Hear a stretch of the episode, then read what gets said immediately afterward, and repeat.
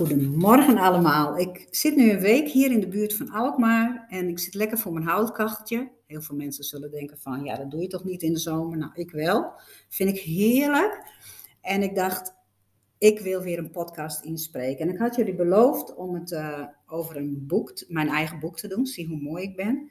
En waarom? Omdat ik denk dat wanneer leraren, alle leraren dit zouden lezen, uh, er toch iets gaat, zeker gaat veranderen in het contact en in de communicatie van de leraar met leerlingen. En dat geldt ook voor ouders en kinderen. En ja, ik vind dat heel belangrijk, omdat ik denk dat als je bijvoorbeeld empathie zou leren op scholen, de wereld er heel anders uit gaat zien. En ik begin even met een quote uit mijn boek. Je kunt niet zien wie iemand is als je een oordeel over hem hebt. Wat je in een ander veroordeelt, laat een aspect van jezelf zien dat je nog niet hebt kunnen accepteren. En wanneer je leert dat stuk van jezelf lief te hebben en te accepteren, hoef je de ander niet meer te veroordelen. Van Paul Ferrini. Ik heb heel veel boeken van hem gelezen en ja, wat hij schrijft, niet alles, maar het meeste spreekt me heel erg aan. En vandaar dat ik deze quote in mijn boek heb opgenomen. In de lerarenkamer hoorde ik namelijk heel veel oordelen over kinderen voorbij komen. Ongeïnteresseerd, lui, kan niet luisteren, kan niet stilzitten, is druk, enzovoort, enzovoort. En je mag oordelen hebben, maar ga bij jezelf onderzoeken welke behoeften van jou daaronder liggen. Want dan kun je namelijk innerlijk groeien. En wat jij dus afwijst in het gedrag van de ander, dat is een aspect, dat is afwijzing van een aspect in jezelf, zegt Farini. En als je een stuk in jezelf nog afwijst, dan stopt ook een bepaalde ontwikkeling op dat gebied. En dan kun je niet meer scheppen. Dus dan laat je een stukje in jezelf ehm, hou je verborgen als het ware. Als je bijvoorbeeld, ik zal even een concreet voorbeeld geven, daar hou ik zelf altijd van. Als je bijvoorbeeld van iemand vindt dat hij veel op de voorgrond staat, dus en zegt: Ik kan niet omgaan met mensen die altijd op de voorgrond willen staan, die heel veel praten en altijd zeggen wat ze ergens van vinden, dan kun je gaan ontdekken wat ligt daaronder. Nou, als gevoelens, gevoelens zouden kunnen zijn irritatie, verontwaardiging, maar misschien ook wel pijn. Omdat het lijkt alsof de ander dan geen belangstelling voor jou heeft, omdat hij zelf continu aan het woord is. Als je dan van die gevoelens naar de onderliggende behoeften gaat, en je behoeften zijn je levensenergie, uh, die komen voort uit jouw bron, zeg maar, dan wil je misschien je behoeften meer leven. Dus je grenzen bijvoorbeeld aangeven, omdat dat jouw eigenwaarde geeft. Je wilt misschien meer zeggen wat er in jou omgaat, jezelf uitspreken. En als je jezelf uitspreekt, kan een ander daar ook weer iets mee. En vooral ziet een ander jou dan echt. Dus als jij je uitspreekt, dan transformeer jij als het ware je angst om je uit te spreken in eigenwaarde. En eigenwaarde versterkt de liefde voor jezelf. En vanuit liefde voor jezelf kun je weer creëren. Dus een oordeel.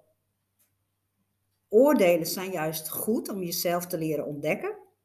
Maar probeer ze niet uit te spreken naar de ander, dus buiten jezelf te leggen, maar probeer ze intern te onderzoeken. En dat is zo mooi.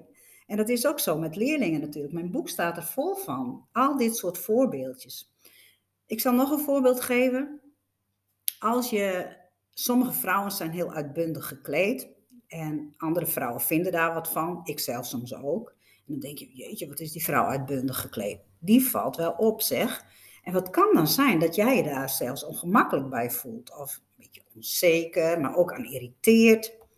En misschien zelfs wel dat je daar een beetje jaloers op bent. Want jij wilt, als je naar de behoefte gaat, misschien ook wel jezelf laten zien. Dus behoefte aan zelfexpressie. Behoefte aan uh, ook weer eigenwaarde, maar ook vrijheid om te dragen wat jij wilt. Los van wat een ander daarvan vindt. Dus dat is zo mooi aan het, aan het oordelen. Hè? In, in, de geweldloze communicatie is dat natuurlijk jakhalstaal. De jakhals naar buiten en de jakhals naar binnen. Uh, elk oordeel over die ander zegt iets over wat jouw levensvreugde kan geven. En hoe mooi is dat? En vaak zit er ook pijn onder, misschien wel. Pijn dat je je niet hebt uitgesproken, hè, wat mijn eerste voorbeeld uh, betreft. Of uh, pijn omdat je jezelf niet durft laten zien. En die pijn, die wil juist bevrijd worden. Dat is in ons leven een enorme taak om, om ons te bevrijden van onze pijn. En als je dat doet, dan gaat er weer iets stromen in jezelf. Dus als je pijn vrijlaat, dan, en daar misschien, en misschien rouwt, en dat is ook een behoefte in de geweldloze communicatie, heb ik al heel vaak genoemd, dan kom je ook weer bij wie jij ten diepste wilt zijn. En dan kun je misschien ook weer iets ontwikkelen in jezelf en het oordeel over de ander juist gaan ervaren als liefde voor jezelf. En hoe meer liefde je voor jezelf hebt, hoe meer je deze ook uit kan delen. Hoe mooi is dat? En in mijn boek, dit, dit is hoofdstuk 4 in mijn boek, daar gaat het ook over uh, oordelen over een klas. Ik gaf les aan een groep van 16 VMBO-leerlingen met leerwegondersteuning. En leerlingen die leerwegondersteuning nodig hebben, uh, hebben dit nodig omdat het leven hen misschien zoveel energie kost, waardoor ze minder goed in staat zijn om de lesstof op te nemen. Dus het kan allerlei redenen hebben.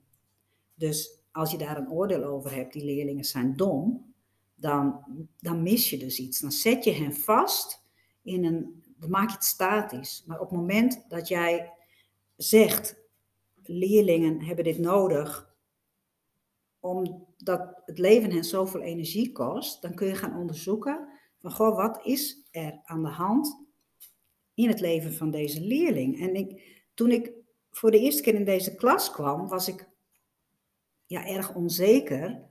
Want ik kwam binnen in zo'n barak, in zo'n zo'n zo'n luid, hè, dat klinkt dan zo. En die leerlingen waren met tassen aan het gooien en eh, banken aan het verplaatsen. En eh, ik dacht, wat is dit? Ik had net les gegeven aan de klassen uh, 4 HAVO tot en met 6 VWO. En ik dacht, ja, makkie, dit zijn maar 16 leerlingen, dat kan ik makkelijk, maar ik schrok me rot. En ik dacht van, jeetje, uh, wat gebeurt hier? En ik raakte best wel een beetje in paniek, maar ook boos. En uh, ik ging dreigen met straf en ja, dat werkte dus helemaal niet. Maar uiteindelijk, want ik vond die klas natuurlijk druk en uh, ongeïnteresseerd en niet opgevoed en dat soort dingen. Maar wat voelde ik eigenlijk? Ik voelde me echt, ja, machteloos en gefrustreerd. Maar ik was ook best wel angstig. Ik denk, hoe help? hoe, ik raakte een beetje in paniek. En hoe, hoe krijg ik deze, deze klas rustig? Wat is dit voor stelletje ongeregeld? Dus ja, ik voelde verbijstering ook. Ik denk, hè, dit had ik nog nooit meegemaakt. En ik had zulke goede bedoelingen met deze leerlingen en deze klas. En ik wilde zo graag contact, dat waren mijn behoeften. En ik had dus heel veel oordelen over uh, mezelf en over de klas. En ik was ontevreden. En ik was ook heel erg boos op mezelf. Want ik, ja, ik dacht, ik zou nooit mijn stem verheffen en gaan schreeuwen, maar ik deed het dus wel.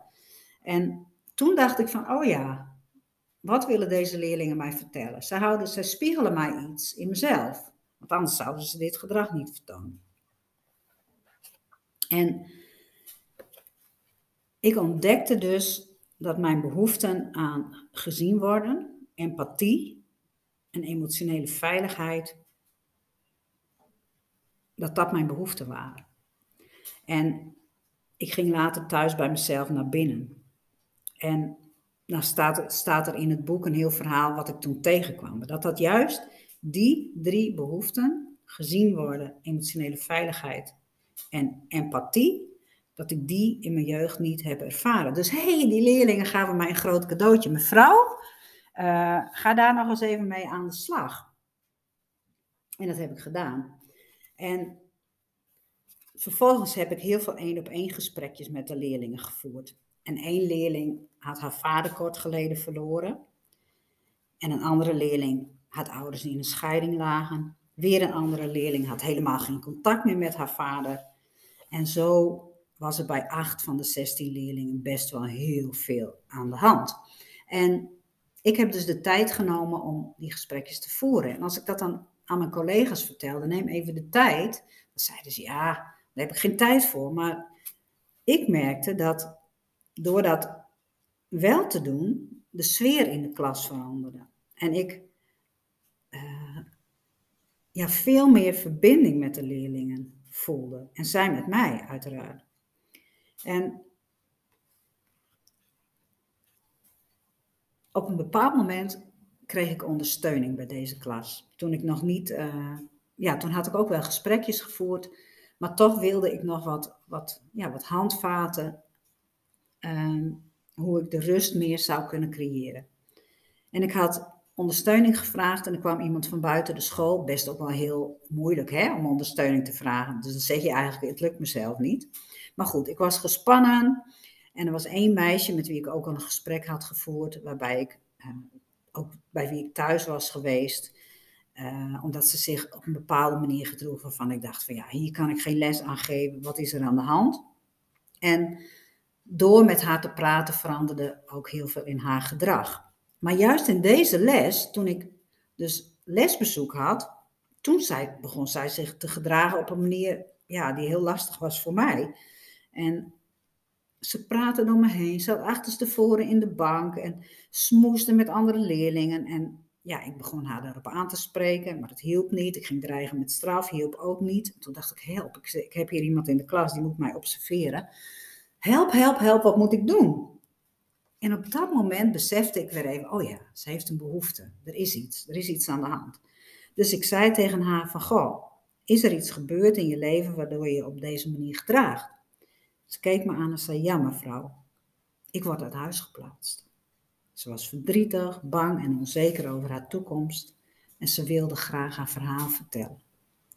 En ook begrip voor haar gevoelens krijgen. En toen heb ik het meisje haar verhaal laten doen. En ze heeft ongeveer tien minuten gepraat. De andere kinderen waren muisstil. En de rust was na tien minuutjes weer teruggekeerd. Dus het is essentieel dat je als docent weet wat er op een bepaald moment in leerlingen omgaat, als ze zich dus op een manier gedragen die voor jou heel lastig is en waardoor er onrust in de klas is. Dus de kern van het hoofdstuk, wat ik net eigenlijk even in het kort heb voorgelezen, is dat als je oordelen hebt over een klas, zoals bijvoorbeeld de klas is ongeïnteresseerd, de leerlingen zijn onopgevoed, druk, onhandelbaar, etc., ga dan naar de gevoelens die in je leven en ga op zoek naar de onderliggende behoeften. En geef jezelf dan even empathie, want de onderliggende behoeften zijn altijd oude, onvervulde behoeften. En dan kun je dus eventjes naar een collega gaan en even je gevoelens en behoeften uitspreken. En daarmee hoor je jezelf. En dat helpt vaak al. Of je gaat die gevoelens en behoeften in volgorde van belangrijkheid zetten en je gaat bij jezelf naar binnen. Je haalt een paar keer adem. En je voelt, observeert wanneer je deze behoeften als allereerste keer had, deze gevoelens en behoeften, en wat toen de situatie was. En dan ga je kijken, uh, wie had ik toen nodig en waarom of waarom kreeg ik toen niet wat ik nodig had. En als ik dit wel eens in groepen doe, dan, dan gebeurt er van alles bij mensen, want het is een oefening van een paar minuutjes. En ik had een keer een man en die zei van, jeetje, ik kwam weer in het ziekenhuis terecht. Ik was een jaar of twee en ik, ik lag weer in dat ziekenhuisbed en ik voelde me zo verschrikkelijk alleen. En ik had zo'n behoefte aan begrip en liefde en gezien worden. En vanuit het hier en nu had hij bepaalde gevoelens en behoeften in een situatie. En toen hij hiermee aan de slag ging, ontdekte hij dat hij als tweejarig jongetje in het ziekenhuis alleen gelaten was. En dat is natuurlijk heel bijzonder, want hij kon daar weer even bij komen. En hij kon doorvoelen wat dat met hem toen gedaan had. Dus op het moment dat hij in het heden, in het hier en nu, een bepaalde behoefte heeft, die raakt aan die oude onvervulde behoefte, weet hij, oh ja, dat was toen, maar dat is nu niet. Ik ben nu veilig, ik ben geliefd, ik word gezien. En als ik het idee heb dat ik niet word gezien, dan laat ik mezelf zien. Dan zie ik mezelf. Dus ja, prachtig, prachtige oefening. En uh, dat is dus wat oordelen over de ander jou kunnen geven. Want op het moment dat jij dus rouwt over oude onvervulde behoeften, vanuit het hier en nu, die in het hier en nu getriggerd worden, en dat is zo mooi van de geweldloze communicatie en van het inzicht in het hebben van oordelen, als je in het hier en nu ergens op getriggerd wordt en ergens iets van vindt, dan is dat een mogelijkheid om iets te helen in jezelf. En als leraar, ik liep daar natuurlijk gigantisch tegenaan, tegen triggers. Want, want ja, de wereld is één groot spiegelpaleis, ik heb het al vaak gezegd. En zeker als je voor de klas staat, kinderen die zijn daar uh, enorm goed in. En die hebben ook een soort van zesde zintuig voor uh, jouw onzekerheid of jouw uh, niet echt zijn. En als je dus rouwt over dat, zeg maar, dat stukje wat in jezelf nog zit en verhard, wat verhard is, wat als het ware een klompje ijs is, dan kan het weer gaan stromen. Dan kun je het leven weer vieren, dan kun je weer creëren vanuit ja, wie jij ten diepste bent. Dus, dat was weer een, uh, ja, een mooi inzicht voor mezelf ook weer even om te leren van oordelen die ik soms heb over anderen. Dus je moet oordelen niet wegstoppen, omdat het niet netjes is of omdat je uh, uh, ja, vindt dat dat niet kan of uh, dat je daarmee de ander tekort doet. Nee, als je ze wegstopt, de jakhalsboodschappen, dan komen ze in grote troepen weer terug. Want ze willen jou iets zeggen, ze willen jou iets leren. Dus Wees er blij mee. En ga bij jezelf naar binnen en ook met oordelen over jezelf. Hè? Als je van alles vindt van jezelf. Ga bij jezelf naar binnen en ga eens kijken welke behoeften daaronder liggen. En ga dan die behoeften van jezelf, ga die dan proberen te vervullen. En dan word je zoveel rijker van en zoveel lichter ook. En het geeft je zoveel levensvreugde. En ik ervaar dat nu ook nu ik hier zit, die, die, die levensvreugde. Want wat leer ik allemaal? Wat heb ik allemaal al geleerd over mezelf? Nou, bijvoorbeeld dat ik koken leuk vind, want dat doe ik thuis eigenlijk niet. Dus ik sta soms ochtends negen uur al in de keuken van, goh, wat zal ik vandaag weer eens even maken? Ik uh, leer om uh, minder afval eh, te hebben. Want ik koop alle dingen los. Dus ik koop losse preien, ik koop losse tomaten, ik koop uit de biologische winkel. En ik merk dus dat ik met een prei en een, en een, en een witte kool zoveel kan. En ook uh, dat ik daar zo lang mee kan doen. Ik ben al meer dan een week bezig met een hele dikke, uh, hoe heet het, uh, spitskool bijvoorbeeld. Een spitskool, als je dat rauw eet met een, met een, een worteltje en bijvoorbeeld een appeltje voor de smaak. En je doet dat een kwartier voor het eten. Dat is als het ware een stofzuiger voor je darmen. En thuis neem ik daar de tijd dan niet zo voor. En, en nu ja, doe ik dat gewoon, want ik wil ook werken aan mijn gezondheid. En dus dat, ik merk dus dat ik uh, de televisie niet aan heb. En ja, dat is ook wel bijzonder, want thuis zit ik daar best wel regelmatig voor, voor een serie of uh, ja, wat er ook maar is. En, en hier heb ik hem gewoon niet aangehad nog. En ik ben hier nu een week. En ik denk, jeetje, ik creëer daarmee zoveel tijd voor mezelf, maar ook rust. Want ik ben eh, best wel intens gevoelig. En het geeft mij ook geen prikkels. Dus uh, ja, dat. En ook dat ik dus zelf de slingers moet ophangen. En ik heb hier een fiets, een herenfiets. En natuurlijk met mijn hernia is nog niet helemaal genezen. Ik dacht van ja, ik moest mijn fiets neerleggen als ik, uh, als ik wilde afstappen. Nou, dat was geen gezicht natuurlijk. Dus ik dacht, uh, laat mij eens even kijken wat voor soort kerken hier zijn. Ik ga natuurlijk zelf regelmatig voor in de kerk. En ik doe dat op mijn geheel eigen manier. En met Pinkster ben ik trouwens in Eils. Dus als je in Friesland woont, wees van harte welkom. Ben ik in de doopsgezinde kerk. Um, dan dwaal ik weer af. Waar, hoe kom ik hierop? Oh ja, ik ging naar die kerk. En ik had al even gelezen, het was een kerk zonder dogma's, vrij, uh, uh, redelijk modern, dus ik dacht, ik ga daar naartoe. Wel, allemaal oude mensen, ik was de jongste. Maar hoe dan ook, het, het was een, ik voelde wel rust en sereniteit en ook liefde van de predikant. Er was een lector, die deed de lezingen en er was nog iemand die iets vertelde over iemand die in het dorp die overleden was. Het was allemaal zo respectvol en liefdevol. Dus ja, dat was heel fijn. En na de, na de dienst was er koffie en ik raakte zo in gesprek met een vrouw en ik zei, goh, mag ik u een brutale vraag stellen? Ze zegt, ja natuurlijk. Ik zeg, nou, ik woon uh, tijdelijk in, uh, hier in het dorp en ik heb een herenfiets, maar het is eigenlijk waardeloos. Uh, weet u misschien iemand of heeft u zelf een fiets in de schuur staan die niet meer gebruikt wordt? Nou, ze zegt, ik, ik zelf niet zo, maar ik ga met je meedenken. En na tien minuutjes kletsen liep ze weg en ze komt terug ze zegt, hey, deze meneer doet in fietsen. En er was een meneer en uh, die uh, zei, ja, ik heb wel een fiets in de schuur staan. Die moet ik nog eventjes nakijken, maar uh, die mag je wel lenen, zegt hij. Hij zegt, loop maar even mee. Dus ik met die mensen mee naar huis. En zulke leuke mensen. En hij ging even een ander zadel op de fiets zetten, zodat het voor mij op maat was. En hij ging hem nog even nakijken. Hij zei, ga maar even lekker in de tuin zitten.